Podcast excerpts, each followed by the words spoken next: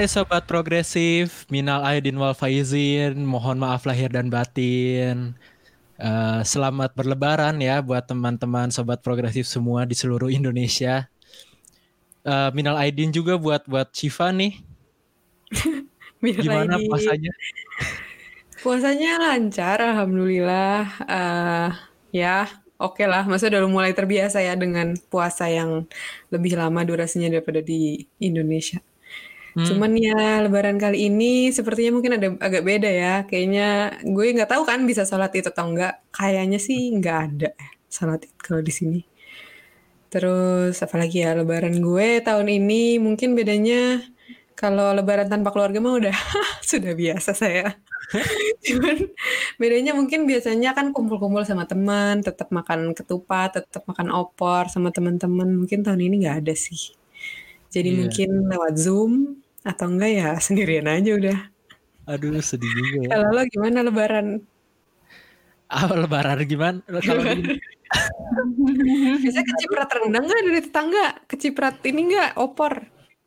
Uh, sekarang sih ya bi eh, biasanya gue selalu dikasih, selalu diundang hmm. kayak lebaran apa gimana gitu di rumah temen. Uh, cuma yang tahun ini beli ya, kan lu yang jualan sih gimana sih?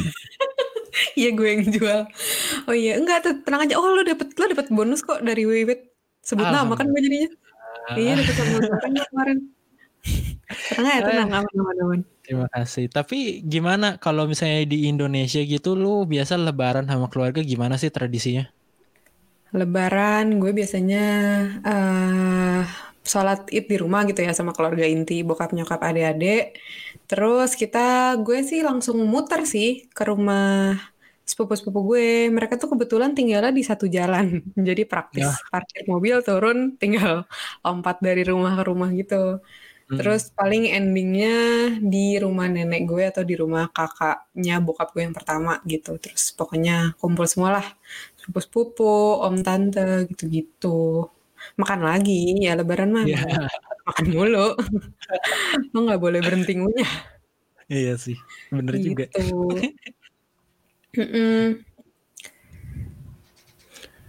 Kok diem? Kalau kalau yeah. gua tuh ya mm. ingat lebaran itu gue tuh sebenarnya gue kan gak ngerayain lebaran ya tapi gue tuh selalu mudik pas lebaran. Oh iya Iya, jadi um, kan bokap gue kan kerja kerja pegawai biasa gitu kan. Jadi libur panjang mm -hmm. tuh hampir nggak ada gitu. Oh, Oke. Okay. Sekali sekalinya libur panjang ya pas Lebaran. Jadi oh. pas Lebaran itu kan bokap gue orang Sumatera ya dari Jambi, Palembang mm -hmm. ke atas lagi. Kita, mm -hmm. gue dulu inget tuh udah pas gue SD gitu atau SMP, kita tuh naik mobil tau shift. Serius loh? Serius dari Bandung oh. ke Jakarta, uh -huh. ke Merak gitu kan, terus naik ferry. -huh. uh -huh. Naik ferry. Gue juga, jadi gue tuh sebenarnya nggak mudik soalnya, maksudnya kakek nenek gue udah tinggal di Jakarta gitu, jadi kita yang kebagian Jakarta kosong tuh kalau Lebaran tuh. Hmm. Cuman sekali-sekalinya kadang-kadang tuh kita mudik ke ngunjungin rumah saudara gitu di Serang dan di Lampung. Jadi adiknya nenek gue ada yang migrasi pindah ke Lampung padahal kita bukan orang Lampung. Hmm. Ya sama sih rutenya. Jadi kita biasanya kalau langsung ke Lampung ya langsung Merak terus naik ferry gitu atau enggak dari dari dari dari Serang, dari Rangkas baru kita nyebrang pulau. Iya, yeah. yang ini sih yang enggak yang enggak. Tadi yeah. itu keluarga gue mau lebaran di sini. Tapi enggak jadi. Iya kalau kalau misalnya eh, lebaran itu kan pasti identik dengan ngumpul-ngumpul atau enggak ya kayak gue mudik gitu ya walaupun gue nggak merayakan uh, lebaran tapi tetap aja berasa vibe apa ngumpul-ngumpulnya tuh ada iya, gitu kan. Iya, makanya karena kita lagi situasinya kayak gini, tapi kita tetap pengen silaturahmi ya ya udah kita silaturahmi online aja gitu gimana? Kayaknya seru ah, juga kan? Boleh juga tuh. Boleh juga yeah. tuh silaturahmi virtual. 2020 yeah. banget. Kekinian. Uh-uh. Ya udah kalau gitu kita silaturahmi aja kali ya ke setiap teman-teman kita nih satu-satu ke apa ya ya teman-teman segmen-segmen yang ada di podcast progresif gitu nanya-nanyain mereka Hmm, gimana boleh, kalau lebaran. Kayaknya seru juga ya. Seru seru seru, boleh boleh boleh. Eee. Gimana nih enaknya kita ke mana dulu nih pertama nih? Kayaknya kita ke BBQ dulu kali ya. Ah, boleh. Permisi, punten. Assalamualaikum. Waalaikumsalam, silahkan keluar. Eh, silakan keluar. Aduh, apa kabar nih? Ada Maya, ada Indah. Baik, baik. Meskipun lagi eh, nggak enak badan gini, nggak bisa ke mana-mana. Aduh, pas lebaran Iya, tuh sakit. Iya. Indah gimana Indah? Ya, halo. Baik juga di sini. Baik banget sih, meskipun tadi ada hujan-hujan sedikit, tapi tetap kondisinya Hmm. baik-baik aja. Iya. Gimana nih pada puasa nggak atau pada eh, gi- gimana nih cerita-cerita deh apakah puasa di rumah lebih gampang karena lebih sedikit godaan atau atau gimana nih? Siapa gua? Kalau gue sih, gue lagi apa namanya nggak puasa tapi gue minggu satu minggu pertama tuh gue ikut puasa kan. Cuman akhirnya gue nggak ikut puasa lagi karena gue sakit gitu. Eh, jadinya gue intens minum obat sampai sekarang, jadi nggak bisa puasa. Gak tahu gantinya gimana. Walau alam lah. Pelan-pelan. Bayar fidyah. Jadi gitu sih. Eh, apa namanya ya? Paling lebaran ya di rumah aja. Silaturahmi paling sama keluarga, sama pacar, sama nyokap yang ada di rumah. Ya mau gimana ya? Karena lagi masa-masa kayak gini kan nggak bisa ngapa-ngapain juga ya paling eh, Hmm. Yang enggak kayaknya sih nggak soal kayaknya sih kalau di Indonesia sendiri kayaknya sih belum bakalan ada eh, sholat id ya kalau untuk tahun ini ya karena em, kita eh, apa rumornya aja kan kita baru masuk kelas itu Juni Juli tapi katanya kata si Menteri Pendidikan ini kita bakalan diundur sampai Desember. Hmm. Nah, tahu tuh gimana kelanjutannya lihat nanti. Nah, Indah kalau Indah gimana Indah? Sama idem juga, aku juga lagi nggak puasa ini kebetulan udah minggu terakhir rasanya kayak eh, apa ya?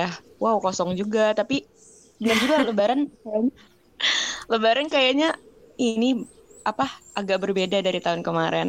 Soalnya kan rumahku juga dekat masjid dan nggak ada tanda-tanda masjidnya bakal dibuka untuk Hmm. umum sih. Kayak gitu. Jadi ya sama mungkin lebih ke virtual kali ya. Kalau sholat tetap aja mungkin di rumah tapi kayak silaturahimnya bisa by telepon atau enggak ya lewat chat di WhatsApp atau di Zoom sekalian. Keren Kalau banget. kalian gitu mudik juga? Mudik nggak? Biasanya. Kalau aku biasanya mudik, aku kan kampungnya di Sulawesi Selatan. Kebetulan mamaku orang Makassar, jadi biasanya iya, jadi biasanya kita mudik ke sana. Tapi eh, melihat situasi ini kayaknya impossible deh buat mudik. Biasanya mudiknya pakai apa? Pakai pesawat gitu. Iya, kalau waktu Satu sih pakai pakai apa sih pakai kapal. Cuman kalau karena sekarang apa mau yang instan yang cepet gitu kan, pakai Loh, pesawat. Indah, maaf. Domisili mana sekarang? Kenapa? Oh, sekarang Jakarta Selatan. Ada What? Ke Sulawesi Selatan naik mobil? pesawat, I mean. Waktu kecil? P- eh, kapal. Oh, Dia jadi nggak boleh pakai mobil. Enggak, Tadi kirain aku- gue tuh kayak tadi gitu loh. Gimana naik mobil sampai pelabuhan, naik ferry, Oh, habis itu naik iya, lagi. betul. Enggak ya? Oh, enggak kayak gitu. Soalnya gue ngebayangin anjir capek banget. Gue ke Lampung aja udah kayak enek-enek Enggak. gitu. Kapalnya Gimana kapalnya tuh dari dari Priok gitu kan. Iya, iya, kapal dari Priok. Oh, iya. Tapi iya. itu waktu masih kecil banget. Aku juga udah nggak inget sih. Hmm. Iya. Terus kalau Kalau Maya misalnya mudik perlu apa apa? Apa sih? Maya mudik nggak? Hmm, kalau gua, gua orang Jog, gua aslinya Jogja. Cuman gua udah nggak mudik berapa lama ya? Kayak dari gua SMP apa SMA. Sekarang gua udah kuliah. Jarang mudik sih, cuma rencananya itu tahun ini emang mau ke Jogja. Cuman karena hmm. corona jadi nggak jadi padahal udah beli tiket pesawat dan lain-lain gitu. Ya, ya udahlah ya. Mau gimana lagi? Ini gue masih ada surat dinas, Mai. beli online, lu mau nggak? Wah, wah, wah. Bukan masalah bisa atau enggaknya nih. Riskan takutnya yang di sana malah kena corona kan gue juga nggak tahu nih gue kena atau enggak nih. Nah, nah itu dia itu kesadaran yang kayak gitu yang perlu yang yang, yang jarang ya ngelihat yang situasi sekarang-sekarang gini ya. Hmm. Jarang banget. Pengalaman nih tadi nih. Jadi kan gue udah udah nggak keluar rumah itu kan tiga bulan kan, dan gue tuh sempet berobat gitu ke dokter klinik dekat rumah gue karena nggak berani ke rumah sakit.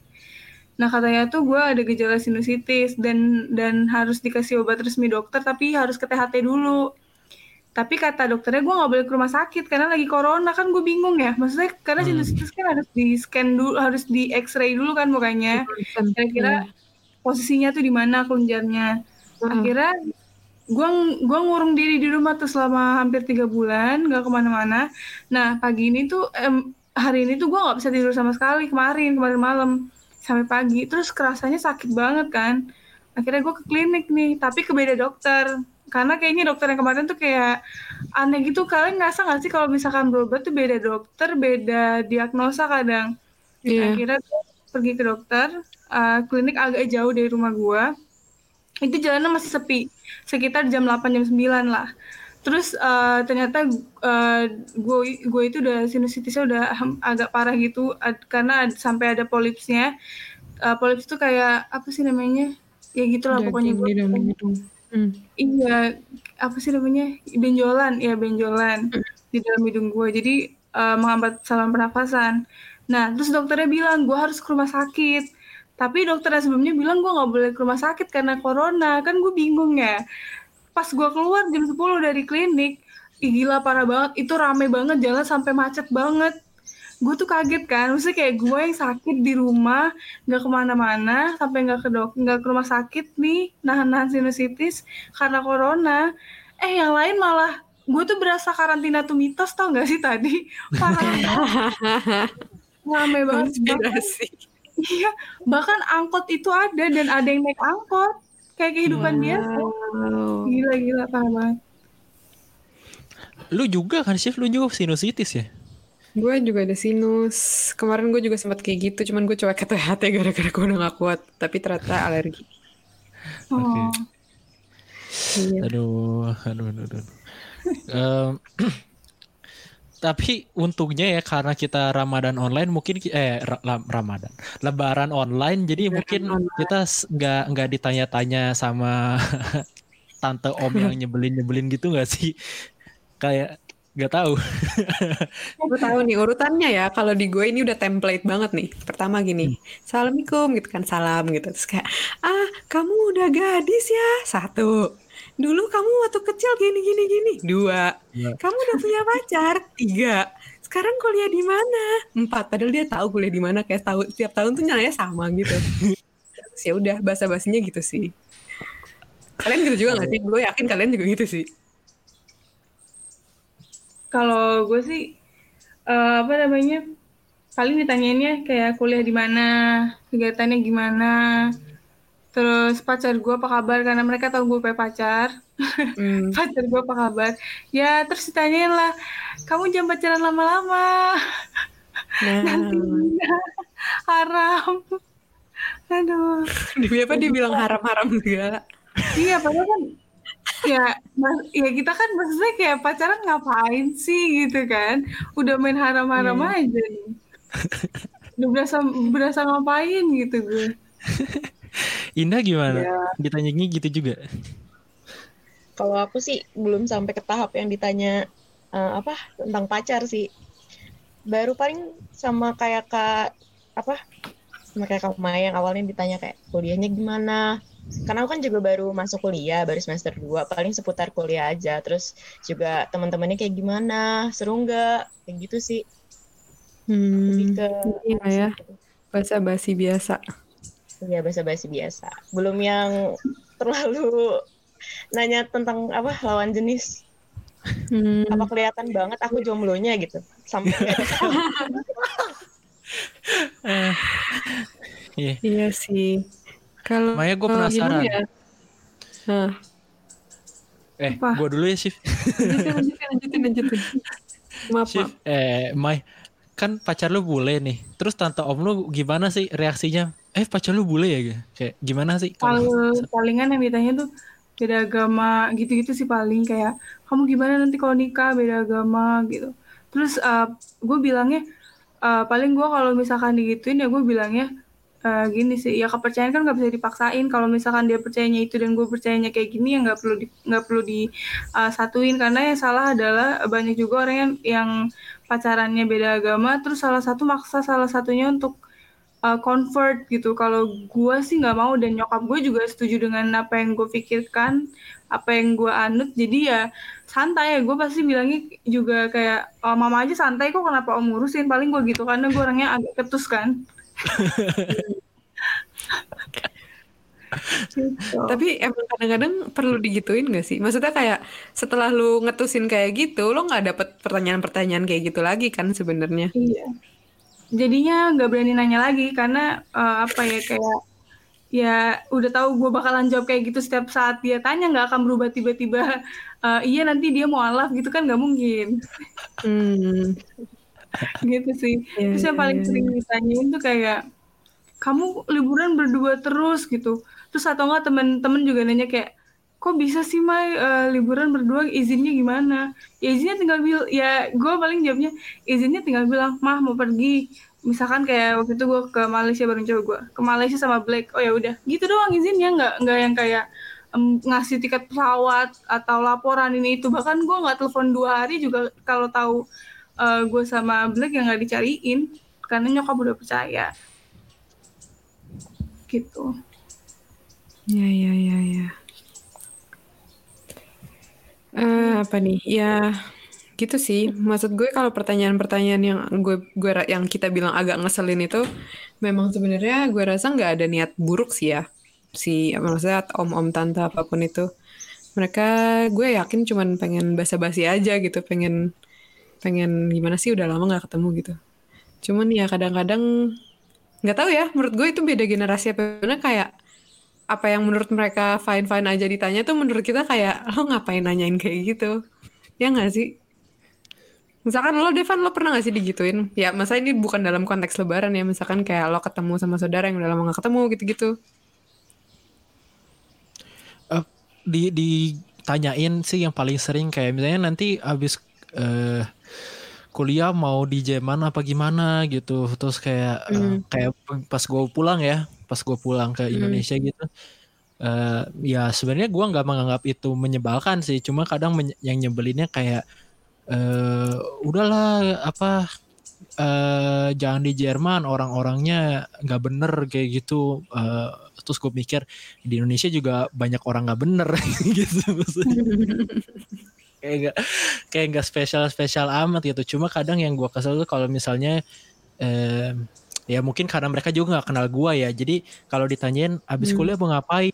Gitu. Bisnis aja kalau kalau kita mah ya orang kita mah ya nih ya kan lihat nih mukanya. Bisnis aja gitu. Gak usah kuliah jauh-jauh lah kayak gitu. Memang sudah nature-nya begitu gitu kan. Gimana gitu? Gue mau ngebales tapi kayak nggak enak gitu. Ya ya udahlah ya ya aja gitu. Terus kalau kalau kalau Indah pernah digituin juga nggak? Kayak kamu abis apa kuliah gimana? Terus kayak lu mau kuliah lagi apa nggak? Udahlah nggak usah kuliah gitu. Pernah ada yang ngomongin gitu nggak sih? Kalau aku sih lebih ke apa ya event sih. Kan aku kuliahnya prodinya prodi event. Terus kayak kamu ngapain sih? Sibuk banget gitu. Cewek sampai malam ngurusnya beginian. Terus aku kan kadang suka di bagian logistik gitu. Itu kan perlu loading barang perlu apa juga apa namanya ngatur kalau misalnya yang berhubungan sama stage gitu kan. Terus Hmm. dan itu biasanya harus sampai nginep kan. Aku ya gitu ditanyain setiap setiap hari bahkan. Kamu ngapain sih gitu. Nggak capek apa tiap hari ngurusin event ini. Terus nanti kalau mau daftar lagi izin lagi. Tuh kan event lagi gitu. Kapan ada waktu buat di rumah gitu kan. Terus sementara kalau relatein sama prodi aku juga ini bagian dari apa pembelajaran aku. Jadi mau nggak mau harus mau gitu untuk ngelakuin ini gitu. Mhm. Ya tapi memang itu sih memang kayak sebenarnya niatnya baik. Kayak lu jangan kecapean. Mungkin orang pengen ngomong gitu kali ya cuma nggak enak. Hmm. apa maksudnya kayak nggak nggak bisa menyampaikan kayak udah deh nanti kamu kecapean gitu. Tapi jadi keluarnya kayak kamu ngapain sih? gitu. Kayak jadi malah kesel Mungkin mungkin juga pengen lebih mingle lagi kali ya sama orang-orang di rumah atau Hmm. kayak lebih berbaur lagi gitu. I don't know. Hmm. Iya iya iya iya. Ya. Pokoknya intinya jangan langsung jangan langsung digas lah ya. Om-om tante-tante ini kayak eh, mungkin mereka juga nggak ngerti gitu. Sebenarnya yang nanyanya yang benar gimana atau mungkin juga dia udah lama nggak ketemu sama kita gitu kan kayak yang kata Siva tadi. Eh, Oke deh, Indah sama Maya kira-kira mau nitip eh, salam nggak gitu ke, yang lain apa gimana titip pesan buat lebaran Itu pesan buat lebaran. Em, kalau dari gue sih ya paling eh, kalian stay safe aja. Jangan maksain mudik karena kan sekarang yang terpenting tuh bukan bukannya kita kumpul sama keluarga tapi kita peduli sama kesehatan satu sama lain. Kalau misalkan kita kumpul-kumpul tapi ternyata salah satu ada yang terjangkit kan terjangkit semua. Dan itu nanti ujung-ujungnya malah ngerugiin semuanya juga kan. Bahkan bisa satu kampung nanti di karantina. Jadi menurut gue ya kalian stay safe, terus yang sabar. Semoga aja ini berakhir cepat dan tahun depan kita uh, bisa uh, dapat pengalaman uh, Ramadan yang lebih baik daripada tahun ini. Amin indah mungkin Ya kalau dari aku juga apa yang penting kita semua tetap stay safe, tetap di rumah aja selama masih pemerintah menganjurkannya kayak gitu gitu kan. Kita ikutin aja apa yang emang seharusnya kita lakukan sebagai warga masyarakat yang baik daripada kita eh, apa ngebandel dikit tahu-taunya ternyata jadi bumerang sendiri kayak gitu. betul betul Jadi ah, benar. oke kita kayaknya harus lanjut ke rumah selanjutnya ya Shiva Yoi. Keburu macet Eh, nih. iya nanti keburu keburu penuh jalanan thank you ya Indah Maya buat ini Makasih, aduh dikasih Indah lontong Maya. terima kasih sekali Yang enak banget makanannya. mantap Makasih juga udah mampir. Selamat lebaran ya. selamat Selamat lebaran minal aidin Lebaran. Kasihan ya mereka pada sakit semua kenapa ya Nggak tahu nih. kita langsung ke rumah selanjutnya aja kali ya Assalamualaikum. Waalaikumsalam. Dengan kita lagi di rumahnya mana? Balela nih Oh iya. Yuk yuk silakan masuk, silakan masuk. Duduk duduk duduk nih. Iya ini iya iya sendalnya iya. taruh mana ya? Sini Oh, ya. taruh di depan de- di itu jadi rak depan oke, oke. depan. Ini apa sih dong Oh, iya, anjir absurd. Gimana nih dulu. nih kalian? ini kok ini kok cuma berdua sih si Akit mana Oh, iya. Akit biasa lebih senior punya Gas, banyak tanggungan. Jadi Hmm. oh ini, harus mandiri kerja. ini ya apa Kita masih mahasiswa walaupun, nggak bisa habisin duit. walaupun lebaran tetap harus hustling hustling terus ya Ini dong. The hustle Buat never salam stops. tempel kan katanya. buat salam Oh, tempel Buat Tempel. Biar ada modal. ada gimana, Gimana, nih gimana nih Apa kalian menjelang Ya. lebaran, persiapan lebaran. Gak tau Caska tuh. Kalau gua kebetulan nggak ngerayain lebaran sih. Apalagi waktu sekarang-sekarang lagi kuliah di sini. Terlepas dari saudara juga, jadi nggak ke rumah saudara. Biasanya kan cuma ke rumah saudara yang yang beragama muslim terus makan opor, dikasih duit dan lain-lain. Kalau sekarang ya sendiri. Rugi dong. Iya. Nggak ada yang jual opor. opor di sini. Tambahan. Kita kasih yang jual opor di sini nggak ada. Ada, saya. Sumpah, saya jual. jualan opor. Dia Iya. Udah belum? opor, jualan rendang. Udah tutup. Iya. Lo masih mau? Kalau lo masih mau, Ah, padahal mau, lo belanja sih ayam. Eh ini ntar ntar ya, ntar ngomongin ntar Ya, ntar. oke. oke. Padahal matanya udah padahal matanya udah matanya udah berbinar-binar tuh. iya Ntar ntar ntar. ntar. ada Lanjut lanjut. Kalau Caska gimana Cas? Eh, kalau gue sih di sini, em, gue untungnya udah balik ke Indonesia. Itu ya nggak tahu untung atau enggak sih. Gue tadi kan awalnya cuma mau liburan sebentar terus kejebak di sini. Tapi ya karena itu gue akhirnya tahun ini yang harusnya gue nggak lebaran bareng keluarga jadi bareng keluarga. Ya tapi rencananya ya nggak banyak sih. Cuman kan yang tinggal sama kita. Terus Hmm. paling cuman ada satu keluarga tante, banget nggak banyak ya, cuman sebenarnya cuma satu yang mau rumahnya deket, mau datang ikut makan bareng, udah itu doang acara lebaran ya. Kalau yang Hmm. lain-lain lewat Zoom sih. Lewat Zoom atau apa kita nggak tahu juga nanti jadinya gimana. Tapi paling bikin opor, Keluarga lo? kecilan. Keluarga lo emang cuma dua dua orang, maksudnya kayak eh, tadi tante lo itu nyokap adiknya nyokap lo gitu sama nyokap lo. Iya adanya nyokap gue sama nyokap gue. Ada siapa nih? Kalau eh, bokap gue ada Mas Sakit baru pulang kerja. Eh, Loh. apa kabar? Halo, halo, halo. Pulang kak. Aduh, Oh iya lagi cuci tangan dulu, cuci tangan. Apa ini apa ini? Saya saya emang pengen nonton aja. Kenapa tiba-tiba dimasukin? nggak boleh nonton aja. Belum baca materinya nih banyak banget ternyata. Ah, kita kan mau silaturahmi doang. Silaturahmi. Luar biasa. Santai aja. Aduh. Gimana tadi Caska tantenya ada berapa? Iya, cuman cuman dua ya. Iya kalau dari Enggak, tadi gue mau bilang. Hah? Eh, Gimana? lanjut lanjut. Oh iya kalau kalau kalau dari sisi nyokap gue mah cuman online. cuman satu em, eh, keluarga ya. Tapi kalau dari sisi bokap sebenarnya banyak. Tapi kan kita biasanya tuh kalau tahun-tahun lain gue biasanya mudik ke Jogja. Beran eh, tiap tahun lah hampir nggak pernah bolong kalau lebaran mudik. Nah di situ di mana? Di situ baru gue ketemu temen eh ke temen-temen Hmm, saudara-saudara eh, Saudara. saudara-saudara di sisi bokap. hmm. Kalau Iya, Mas iya, Sakit gimana nih? Biasa lebaran ngapain? Wah, kalau kalau tradisi keluarga gue lebaran itu panjang. Em, Ya semenit lah, semenit boleh. di, di gue tuh lebaran kayak dua tiga minggu tuh bisa bener-bener keliling ke rumah saudara gitu. Oh, dua minggu. Beneran Dua minggu. Iya. Jadi libur sekolah kan seminggu nih. Seminggu setelahnya itu tiap pulang pasti ya udah ke mana gitu. Jadi kayak bener-bener jalan dua minggu, kadang-kadang tiga minggu buat keliling ke keluarga Yang dikunjungi besar. siapa aja? Em, ini sejarah keluarga sih sebenarnya. Jadi kayak Ya, pelan- sedikit aja, dikit bokap aja. tuh, iya, aja. Silsilah. bokap tuh emang suka banget, suka banget buat silaturahmi. Jadi kayak dia sering nemu-nemu saudara baru gitulah. Kayak dulu Oh. Jauh dulu adiknya- saudara baru. Enggak adiknya Simbah sempat transmigrasi ke mana terus dicariin sama bokap terus ketemu. Ush, ternyata deket terus dikunjungin jadi kayak gitu-gitu. Oh dia ngumpulin kerah ya? Gila? dia ngumpulin keluarga jadi dia megang alamat paling banyak memang. Jadi saya terbawa. Itu ada hubungannya sama itu Kid Lebaran terakhir maksudnya. eh Lebaran terah ada juga.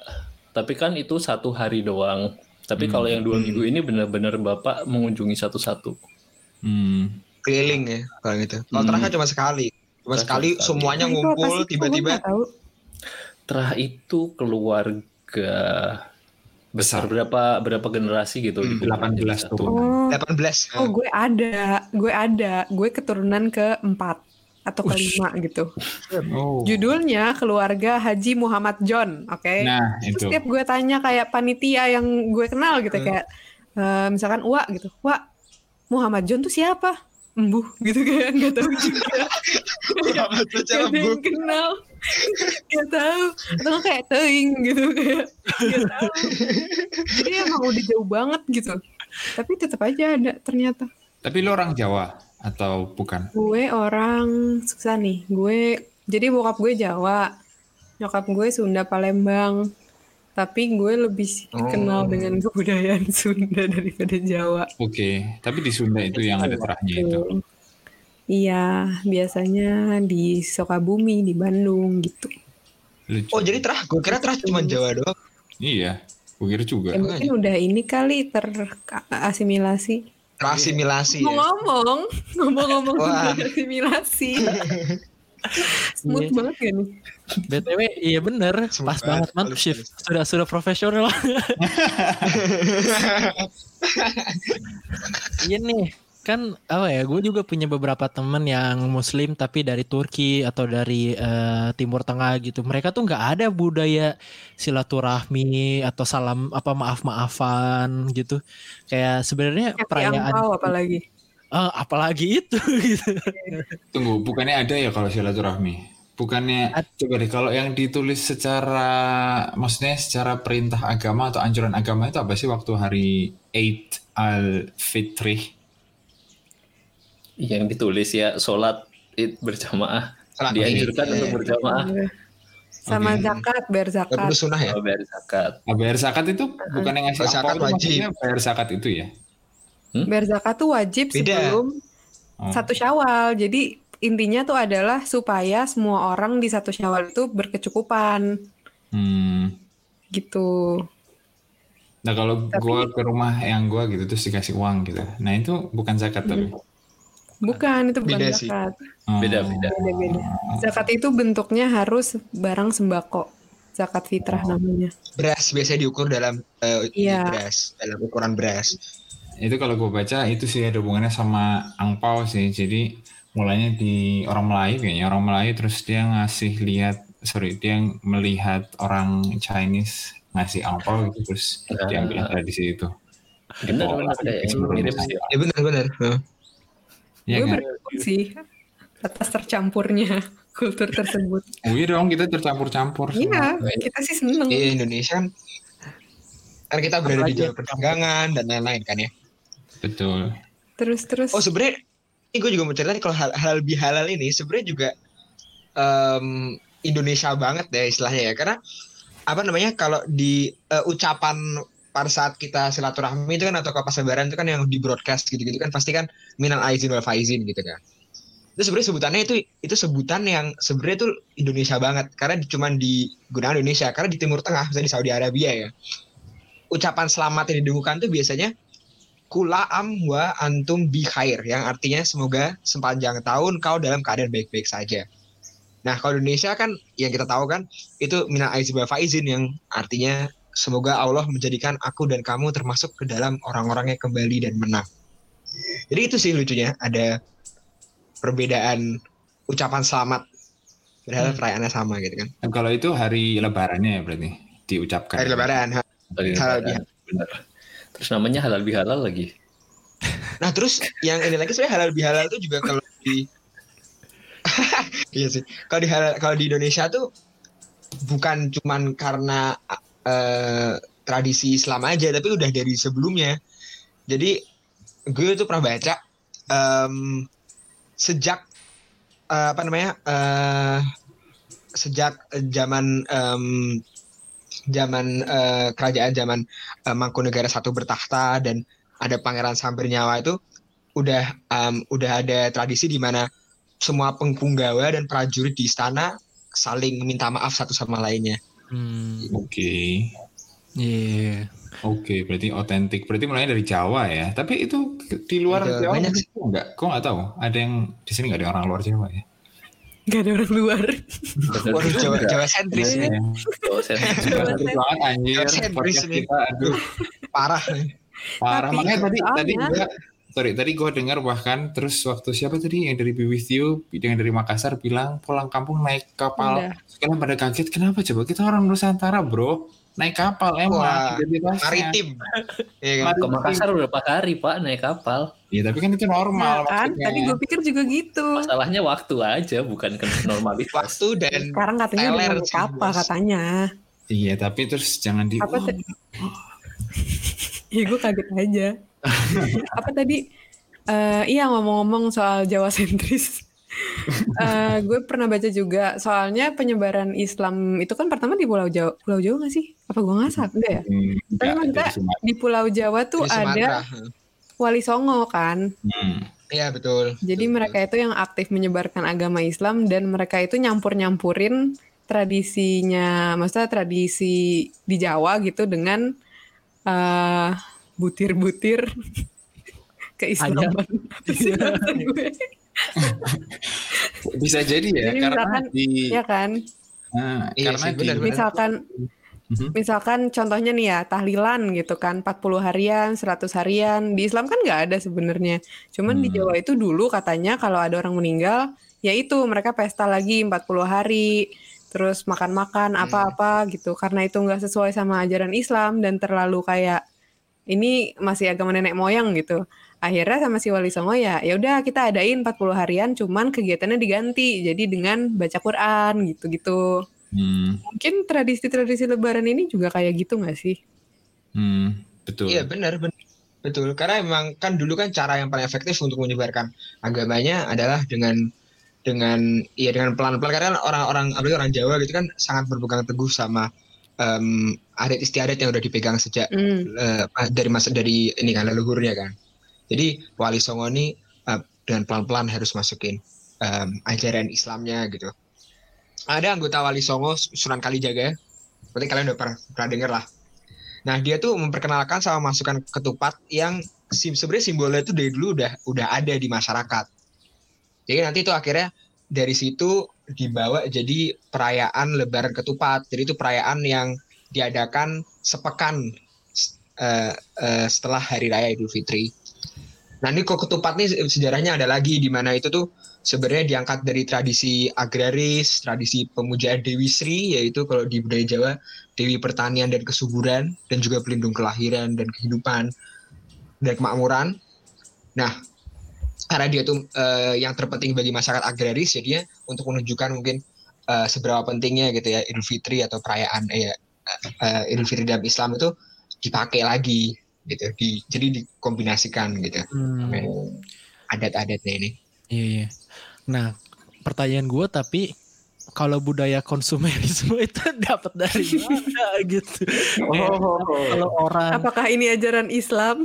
iya atau ajaran Wah. Jawa atau ajaran Sunda atau ajaran mana gitu? Hmm, Kenapa menarik orang nih. setiap kali Ramadan, menarik menarik menarik Lebaran malah banyak belanja gitu? Eh, apa? banyak belanja baju baru Retail gitu. itu paling untung pas Lebaran di Indonesia. Gitu. Itu bener betul- bahkan bahkan pasnya gimana dan terjadi karena itu ada di artikel Kompas waktu itu diulas ya. Jadi hasil di hasil penjualan Lebaran itu secara statistik dia em, em, 30% dari kontribusi penjualan Lebaran itu 30% dari penjualan normal setahun. Jadi memang Betul, betul. di situ bahkan tulisannya bulan puasa memiliki nilai ekonomi tersendiri dan bahkan 68% responden itu keuangannya memang membengkak waktu bulan puasa dan waktu em, lebaran. Karena memang waktu puasa sebetulnya intinya puasa itu apa sih? Gue tanya, gue nanya dulu deh. Mana? Sebelum gue menjawab ke faktanya. Intinya bulan puasa itu apa sih? Mengurangin atau me, apa? menahan nafsu duniawi man nahan Betul. nafsu duniawi Iya. dalam bentuk Justru apa harusnya- Belanja. Iya. Oke. Kalau yang hubungannya dengan zakat itu ad- ada hubungannya sama puasa enggak? Hubungannya sama lebaran, Pak, sebenarnya. Oh. Tadi kan udah dibilang, jadi biar yang kekurangan, yang nggak Oke. bisa makan, itu bisa merayakan lebaran dengan layak lah. Oke. Betul. Tapi kok.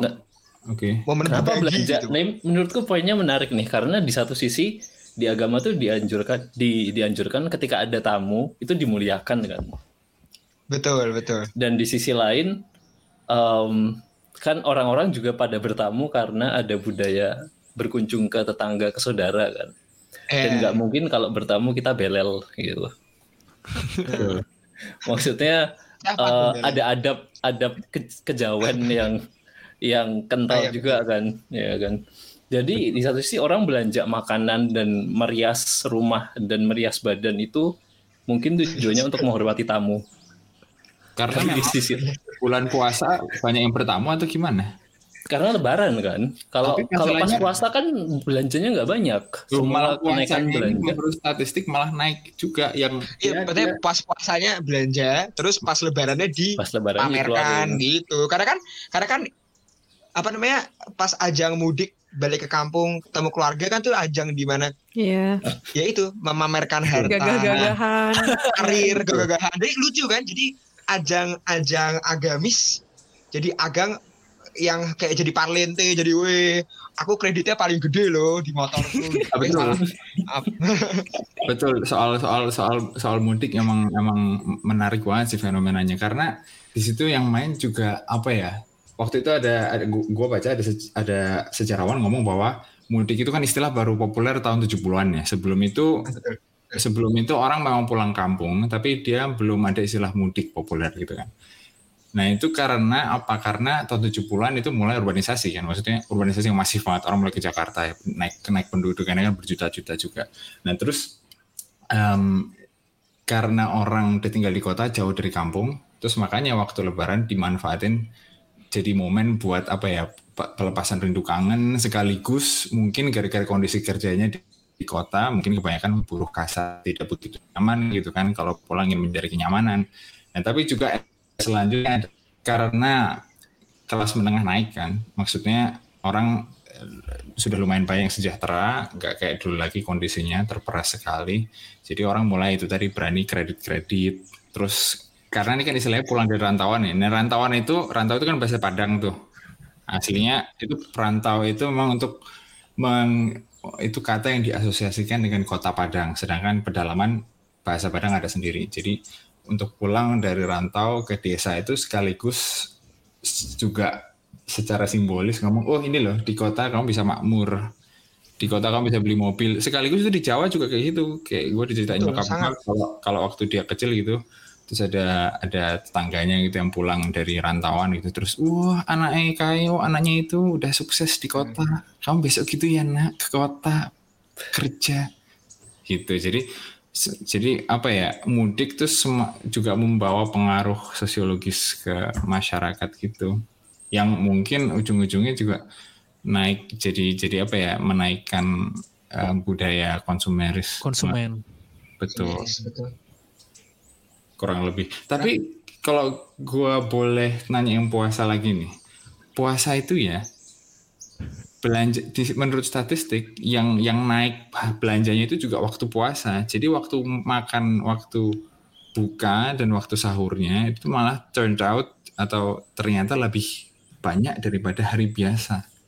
Menurut responden 55% responden merasa membeli bahan makanan lebih banyak dari bulan-bulan lain. Oh, Itu setuju. Gimana itu? Setuju. Karena Kalau ngidam kayaknya ya. Karena iya. kan? Karena gini, Harian gue gitu. cuman boleh makan dua kali.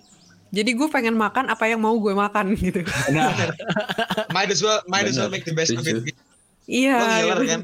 Lihat ini terus sekalian jer gitu. Gue biasanya nggak makan steak, tapi ini gue udah seharian nggak makan. Jadi gue kalau mau makan, gue mau do it right gitu. Mungkin ya, itu yang ada di kepala gue. Tapi Menurut mungkin gak sih kayak eh, kalau nggak puasa kayak zaman apa bulan Ramadan itu kayak momen keluarga itu ngumpul lagi gitu kan kayak bela-belain untuk makan bareng untuk eh, buka Nah. puasa bareng gitu kan jadi mungkin gak sih sebenarnya kenaikan itu juga karena akibat eh, keluarga-keluarga tuh pada mengantisipasi oh kita bisa ngumpul lagi loh yang biasanya sibuk kuliah sibuk kerja atau gimana bisa buka puasa bareng bisa sahur bareng yang biasanya yang jam 6 biasanya bapaknya udah pergi, anaknya masih di rumah, mamahnya di mana gitu. Tapi pada saat puasa mereka semua tuh waktu makannya sama gitu karena kan harus puasa. Mungkin gak gitu? Benar. Hmm. Bener juga sih. Bener juga. Karena ya, karena kan apalagi ada tradisi kayak orang bukber gitu. Jadi mungkin nggak cuman nggak cuman di batasan keluarga aja, tapi juga batasan Hmm. teman-teman juga nggak? betul. Jadi maksudnya Iya. memang, memang karena ya em, Ramadan itu kan juga istilahnya aja apa namanya bulan di mana orang-orang tuh harusnya lebih berbagi dan lain-lain kan. Spiritnya Hmm. kan gitu. Jadi ya itu salah satu bentuknya kali ya. Oke. Ajang buka bersama. Tapi konsumsi yang meningkat tuh nggak maksudnya orang kalau dari luar ngeliat ya, yang bukan Islam terus lihat, oh kok orang Islam malah waktu bulan puasa konsumsi malah naik. Semangatnya puasa bukan harusnya mengurangi gitu. Berarti itu interpretasi yang agak berat sebelah gitu ya. Gak juga sih tergantung. Ya kalau misalnya masalah belanja yang enggak-enggak gitu. Misalnya bahkan pas COVID sekarang ini ya.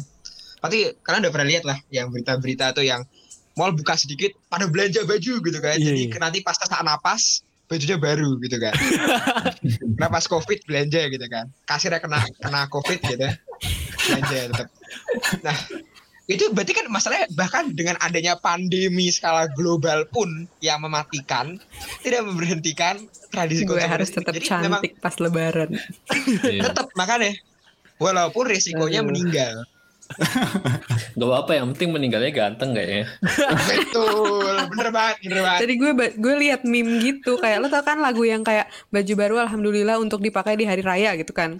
Ini kayak baju baru alhamdulillah untuk dipakai di alam barzah gue kayak anjir gue mau ketawa banget ini dosa gak ya? Oke. Aduh. Ngomong ada satu topik lagi nih yang soal mudik. Sekarang kan lagi masalah nih puasa Hmm. di tengah pandemi mudik atau enggak. Nah itu Hmm. em, kalau dilihat dari sejarah ya, se- seenggaknya kita nemu dua periode di mana di Indonesia itu nggak mudik orang. Waktu tahun 46 dan tahun 62 kalau nggak salah. Jadi tahun 46 itu gara-gara agresi militer. Yes, pokoknya tahun setelah setahun setelah kemerdekaan belum stabil tuh masih banyak serangan-serangan dan lain-lain. Jadi banyak orang yang emang nggak dianjurkan untuk mudik, nggak dianjurkan untuk pulang. Terus kemudian tahun 62 karena em, gerbong keretanya kurang dari Oh. jawatan kereta apinya gitu. Terus Soekarno juga nyuruh supaya orang-orang nggak usah mudik dulu. Karena kita harus memfokuskan seluruh keuangan untuk pembebasan Irian Barat ya semuanya dipolitisasi biasalah. Dan juga dan juga itu kan sampai ada surat permintaan memesan karcis itu kan. Masa-masa itu. Nah iya supaya STNK. di, supaya diribetin orang beli karcis ada ada Ah. suruh surat permintaan memesan karcis kalau mau beli tiket gitu tahun itu. Ya. Nah kalau kalau tahun sekarang gimana tuh? Kalau tahun sekarang menurut Ada- kalian gimana? Mungkin harusnya juga gitu ya dibikin dibikin gitu ya apa kalau lu mau mudik lu harus raffle dulu undian kalau undian lu keluar lu Betul. boleh mudik gitu biar lebih Sebenarnya kan sekarang kan udah diterapkan yang masalah surat itu tapi masalahnya kan sekarang orang Indonesia udah udah menemukan cara-cara baru ya yang kreatif ya untuk menghindari rintangan tersebut. Karena emang ya masyarakat sangat kreatif gitu kan. Zaman dulu mungkin belum ada teknologi ya, sekarang udah ada. Jadi nggak Iya. nggak terlalu pengaruh gitu. Lihat aja Bandara numpuk ya. bandara numpuk oh, seperti mukbang mukbang corona. apa sih mukbang iya iya Kok iya. mukbang sih? Enggak tahu. Nggak tahu gue gue gue makan banyak itu ya. Iya iya makan banyak itu dia corona mata virus. Makan corona. Oh, gitu. aduh benar Oke, oke. Oke oke. Kayak cendol bandara. Eh, Bener. Es udah deh kita, kita kita lanjut aja deh ke rumah Oh, yang lain ini bingung gue nanti nggak nggak habis-habis ngejulitin orang baru selesai puasa Iya, katanya gue masih puasa fitrah, loh. ya Harusnya belum kan? boleh menjuliti Oh, iya, orang. iya. udah julid Duh, Tadi kita nih kita maksudnya meng- kita kita maksudnya mengkritik kan nih. ya. mengkritik Kalau lu masih merasa kurang puas-puasanya lu ikutin tradisi orang Gresik gitu. Jadi dia puasa enam hari awal lagi. Lebarannya Oh, setahun. emang iya, emang ada. Puasa sunnah. Gue Syawal juga ya, gitu. Oh iya? Wow. Oh iya, Emang memang. ada puasa sunnah. Itu puasa sunnah. Info baru buat. ini ya sudah lah Ya sudah. Gue pernah tuh, Semoga- jarang sih, tapi gue pernah. semoga puasa sunahnya dapat ini ya menebus kesalahan Iya, kalau lu sombong tentang puasa sunnah sih kayaknya pahalanya di cancel. Gak deng. Udah, udah. Oke, oke. terima kasih Lebar. buat ini apa Terima eh, kasih. Apa ya lu ngasih apa sih Iya, biasa ke orang makanan ya apa deh nastar deh makasih ya Nastar, eh, kastengel gitu kan. Siva ngasih opor nggak buat Kan? kita? Dibahas lagi nih, Om. Masih bahas terus opor ya, opor ya. Oke. Oke. nanti habis rekaman. Dadah, Ya, dadah. terima kasih ya Dadah, dadah, makasih ya. Sama Geraldus kita pamit Yuk, minal aidin.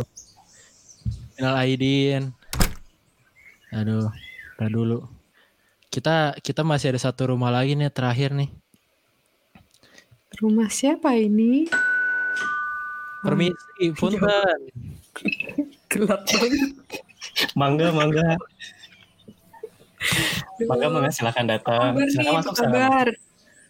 Baik, aduh baik. permisi ya ini apa boxnya aduh, maaf, dipinggir-pinggirin dulu Iya, maaf nih ya, ini masih berantakan baru pindahan banget nih ke sini nih. Maaf, maaf. Scripted parah. Ini ini komplek podcast progresif sebenarnya. iya gue er, gue retenya empat rumah. Silaturahminya cuma dalam hitungan detik gitu. Jalan kaki. Gak ada pindah-pindahnya instan. Yoi. Ini Pak Rete. Gimana, gimana? Masuk, masuk. Duduk, duduk, duduk, duduk, duduk, duduk, duduk. iya terima kasih terima kasih Ini gue buka-bukain mana toples ya? ceritanya. Duduk di mana ini? Gue gue buka-bukain toples gue nih ceritanya. Cobain, cobain gitu kan biasanya. Iya ya, cobain, cobain, cobain ya ada sound efeknya. Nah ini bukain ya. Terima kasih loh.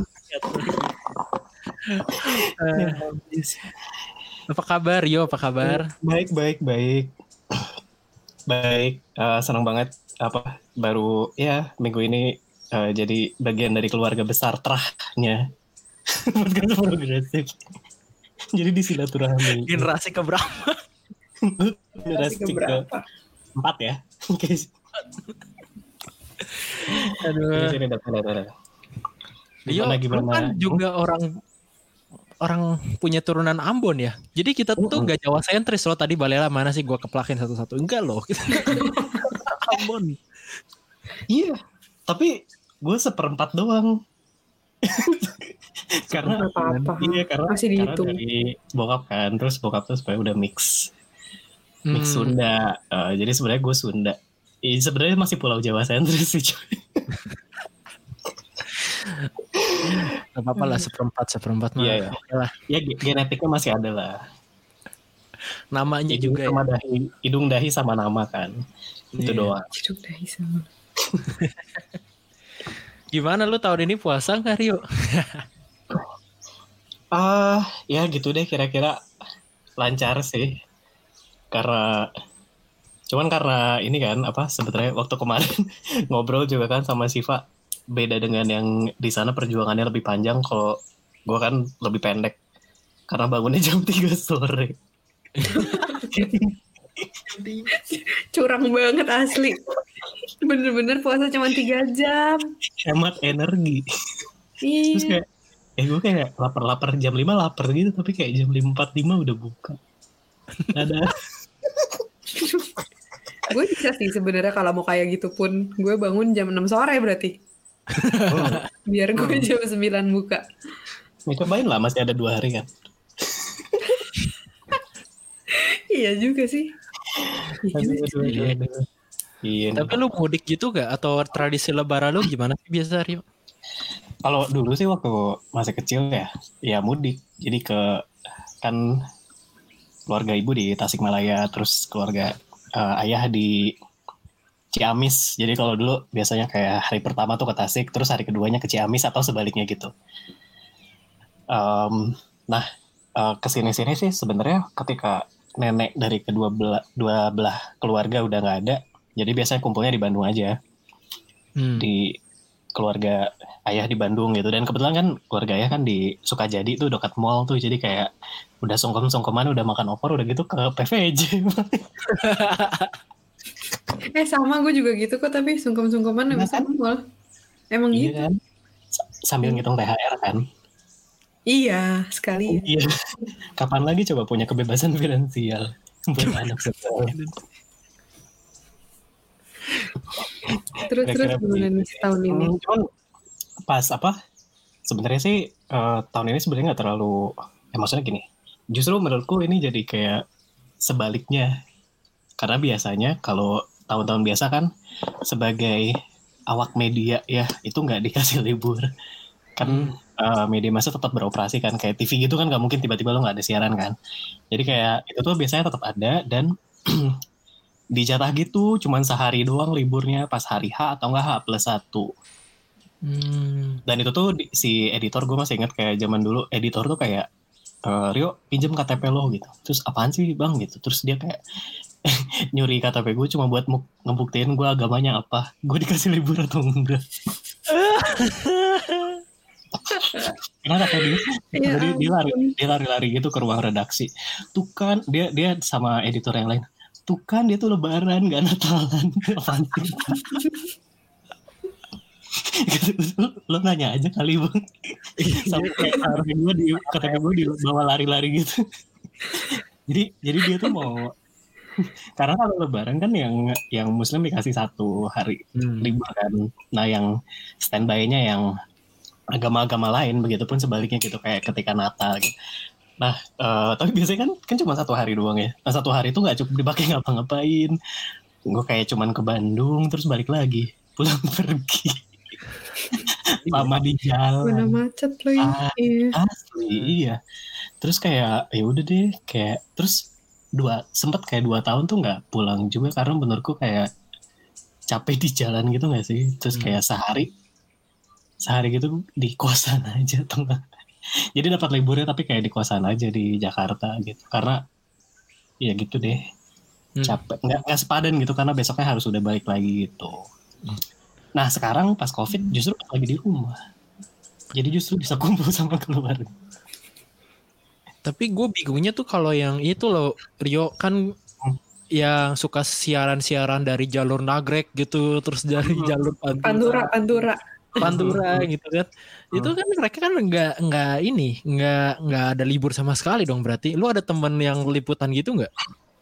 Eh, ada sih ya itu biasanya teman-teman TV ya sama Hmm. biasanya sih teman-teman radio dan online juga sebenarnya suka banyak yang pakai di titik-titik mudik itu biasanya bergantung sama apa namanya bergantung sama resource di media tersebut ya kalau eh, biasanya itu kan di media-media nasional jadi ada tuh temenku tuh dia waktu itu megang apa ya dia orang Bekasi kan dan kebetulan dia eh, Kristen dan dia ditempatin di apa sih Brexit eh Brexit ya iya Brebes ya. Brexitnya bukan yang Inggris ya Iya, Brebes, Brebes. Ya. Gue kayak nggak Iya, nyambung iya. gitu. Iya itu Brebes exit yang tol Cipali itu loh waktu dibuka. Iya. Jadi kayak dia jadi dia kayak muter-muter gitu antara Brebes, Cirebon, terus kayak Indramayu buat mantau daerah situ gitu. Ya gitu seminggu coba yang mantauin mantauin arus kepadatan mudik kan tiap Hmm. tiap jam. Ya ampun. Iya itu tiap Perjuangan. kayak tiap jam apa? Bahkan bahkan si Ada update. teksnya juga kan selalu update gitu. Mm, mm, mm, mm. Dan biasanya itu tuh udah dia tuh pasti standby-nya di tempat ini kan pos polisi, polantas gitu. Jadi teman-teman wartawan biasanya gabung.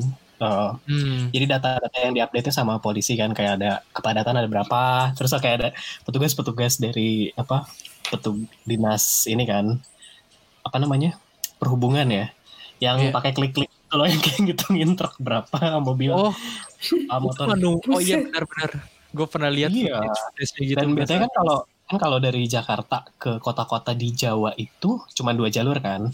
Hmm. Cuman kalau yang ke eh, kalau nggak lewat utara lewat Cirebon yang sekarang lewat eh, Cipali itu lewat selatan yang artinya lewat eh, tol ke Bandung terus dari Bandung eh, lanjut lagi kan ke Tasikmalaya dan kota-kota di selatan gitu. Iya. Gitu. Ya paling kayak ada paling kayak ada temen gue kayak dia bukan orang Sunda tapi kayak perlu nyebutin nama-nama gerbang tol gue kasih tahu karena nama susah-susah. Jadi kan kayak Ada nama daerah di Bandung apa Ci Cium Ya, cium Cium bulu. fluid. Oh itu susah Ciumblu. banget. Iya itu Ci- tuh susah kan? Ya itu tuh ciumbu, ciumbu, leuit. Nah le, le-nya tuh yang Cium- khas. Ciumbu, leuit. Ciumbulit. Oh, oke. Iya benar benar benar. Iya. Kan Nah, iya itu kan gerbang tolnya semacam-semacam gitu kan namanya. ada dua nama nih. Biasanya Pasteur yang masuk ke kota Bandung dari barat itu kan. Sama satu lagi kalau Hmm. yang terusin ke ke Garut, Ciam, apa Tasik, Ciamis dan kota di Jawa itu Cileunyi. Dua dua gerbang tol itu tuh biasanya kayak Pasteur lah, Pasteur lah, Pasteur kebanyakan di Pasteur sih. Ter. Cuma lucunya kan kalau di bahasa Sunda kan beda. Ada e, ada e, ada e kan di dalam gitu di tenggorokan. Biasanya nggak kalau orang-orang yang nggak familiar sama bentuk e itu susah tuh nyebutinnya. Biasanya teman-teman Aceh bisa tuh, teman-teman Aceh bisa karena dia ada e juga kan, kayak gitu. Kalau sekarang berarti nggak ada yang mudik, nggak ada liputan gitu, nggak ada cerita-cerita yang gitu dong. Kayak biasa orang mudik pakai pick up, pakai bajai, pakai bemo kayak gitu-gitu. Udah nggak ada. lagi. Sebetulnya masih ada sih, Van. Kalau lihat apa berita-berita, cuman sekarang kan dalam kerangkanya dalam kerangka COVID dan Hmm. pelanggaran PSBB kan. Oh, oke oke. ya kan jadi kayak selalu udah ada tuh kan kayak dinas aduh kenapa sih namanya dinas perhubungan? Gue tuh bete ya kayak, kayak "Eh, eh, apa sih? Transportasi harusnya. Iya, gue tuh selalu mikirnya dinas apa dinas transportasi gitu, tapi enggak kan? Perhubungan, hubungan, relationship. Heeh. sih? Dinas relationship Ya ini eh, kan kayak ada ngelaporin tuh kayak udah ada berapa kendaraan sih, kayak dinas dishub Jabar itu kayak per minggu lalu udah eh, menghalau 3000 kendaraan gitu.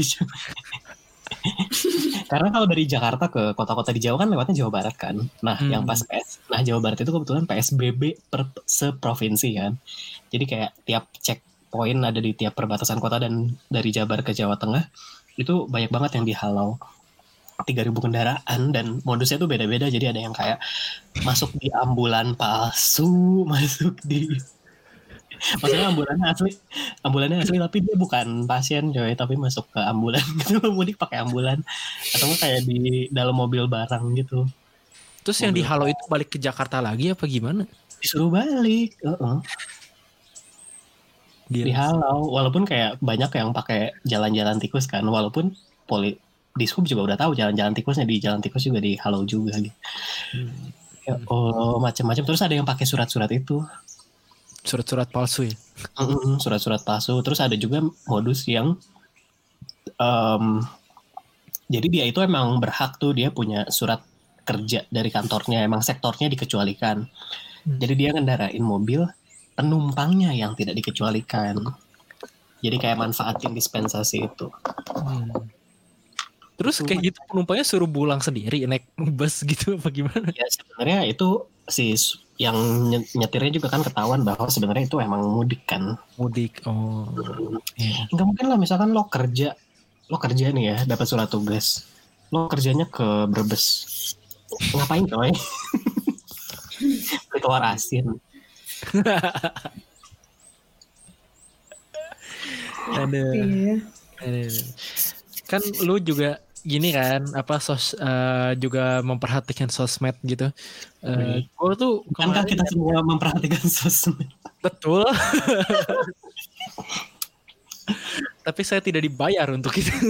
Oh, gitu. saya juga tidak bayar untuk itu sebetulnya Oh iya. eh gue tuh ngeliat kemarin fe- kayak contohnya tuh di Facebook. Ini kan di Amerika ya tapi eh di zaman-zaman waktu liburan gitu pas deket-deket holiday season Natal kayak gitu tingkat pengguna tuh naik seperempat gitu hampir 30 persen. Hmm. Kayak kayaknya di Indonesia juga sama nggak sih? Justru lebih banyak post dan Twitter dan eh, Facebook, Instagram gitu. Terus menurut lu gimana tuh kayak eh, tentang penggunaan sosmed pas lagi liburan apa Lebaran gitu? sebenarnya menurut gue nggak gue bukan orang yang anti dengan penggunaan sosmed ya asal disesuaikan dengan konteksnya aja dan penggunaannya buat apa gitu Em, ketika maksudnya berarti orang kan lebih stick to the gadget gitu ya ketimbang Hmm.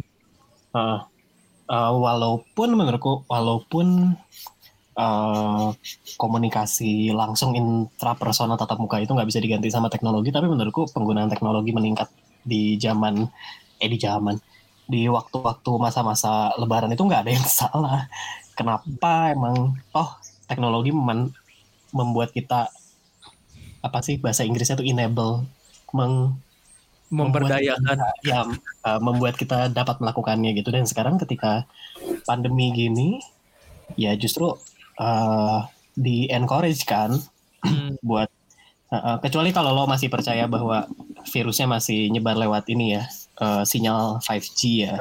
ya itu sih. Lain soal. Itu mungkin virusnya trojan kali bukan coronavirus. Eh, jadi lu Lebaran sekarang enak ya di rumah di Bandung ya? Oh iya dong. Iya dong sambil nggak ketemu ini juga kan, nggak ketemu uh, keluarga-keluarga yang nyinyir kan dan Gue kira enggak ya, justru semakin tinggi usianya semakin senior malah semakin banyak pertanyaan yang muncul ya dibanding yang masih kecil ya. em, sebenarnya menurutku jumlahnya nggak berganti ya, cuma mungkin pertanyaan aja yang ganti. Lebih, Karena kayak lebih- gue kayak mengamati gitu kan kayak jadi kalau ke anak-anak yang SMA kayak pasti ditanya kayak sekolah di mana, rapot gimana, kalau udah kuliah kuliah gimana, skripsi gimana? gitu, Eh, kapan lulus? gitu. Kalau yang udah kerja kerja di mana gitu, gaji berapa, kayak gitu. Nanti sampai kayak udah nikah juga kayak anaknya kapan, udah anak kan juga ditanya lagi. Ini kayaknya nggak pernah berhenti sih. Nggak bakal berhenti kayaknya deh. Iya, iya nggak sih, cuman kayak jenis pertanyaan aja yang beda gitu. Dan ya, ya gitu deh. kayak gitu deh. Aduh, mohon maaf ya. Ya sudah deh kalau gitu uh, kita nggak mau ganggu lu lagi beres-beres juga Eh, kelamaan. ya. Eh ini ini dulu, makan dulu, makan dulu. Eh, Udah tadi udah makan di rumahnya Bale. Gitu ya. Di Oh BBQ. gitu. Oh di sini juga harus makan. Oh, Heeh. ini tipikal bahasa basi banget ya. Iya. Masih tipe- banget. Kan kalau di Sunda kan nawarin dulu tiga kali. Gitu ya? Ini Oh, pantes. itu bukannya dekat di Bandung kan gitu.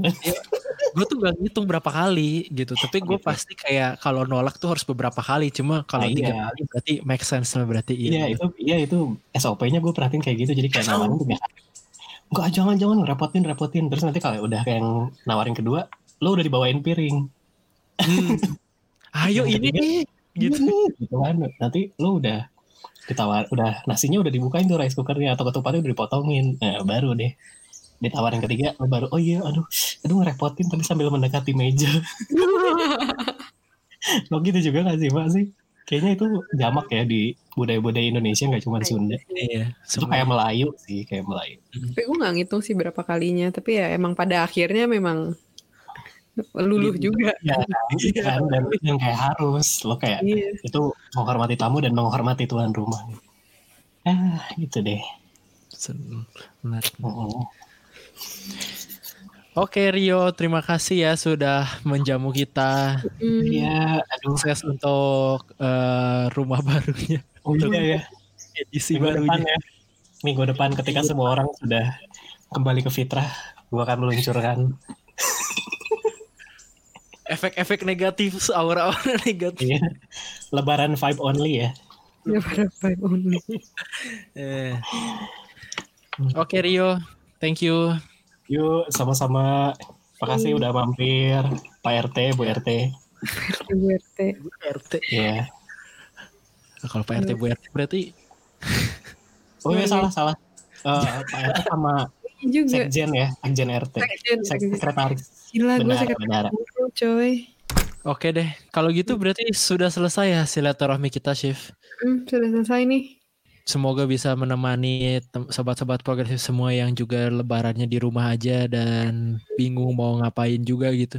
Yoi. Dari Shiva ada kata-kata terakhir sebelum kita Kata-kata terakhir. Kata-kata terakhir dari gue adalah mohon maaf lahir dan batin, mohon maaf jika selama ini ada kalimat-kalimat dari gue yang secara langsung atau tidak langsung menyakiti. Atau kurang sopan atau gue kadang suka keceplosan ngomong. Emang suka nggak mikir sih. Ya gitu deh. Mohon maaf lahir batin. Semoga kita bisa menjadi pribadi yang lebih baik setelah lebaran. Gue gak tau gue ngomong apa. Ya gitulah intinya ya. Lanjutlah. Ya sip. Gue juga eh, dalam kesempatan ini mohon maaf kalau misalnya terdengar nyolot atau menyebalkan atau gimana. Pokoknya semua itu tidak disengaja. Kalau ada orang-orang yang gue singgung dengan sengaja, Anda harap nyadar kenapa saya singgung. Hanya kepentingan konten Pokoknya eh, sehat-sehat selalu, minal aldin wal faizin, have fun sama keluarga dan kerabat-kerabat terdekat. Kita ketemu di episode selanjutnya. Bye-bye. bye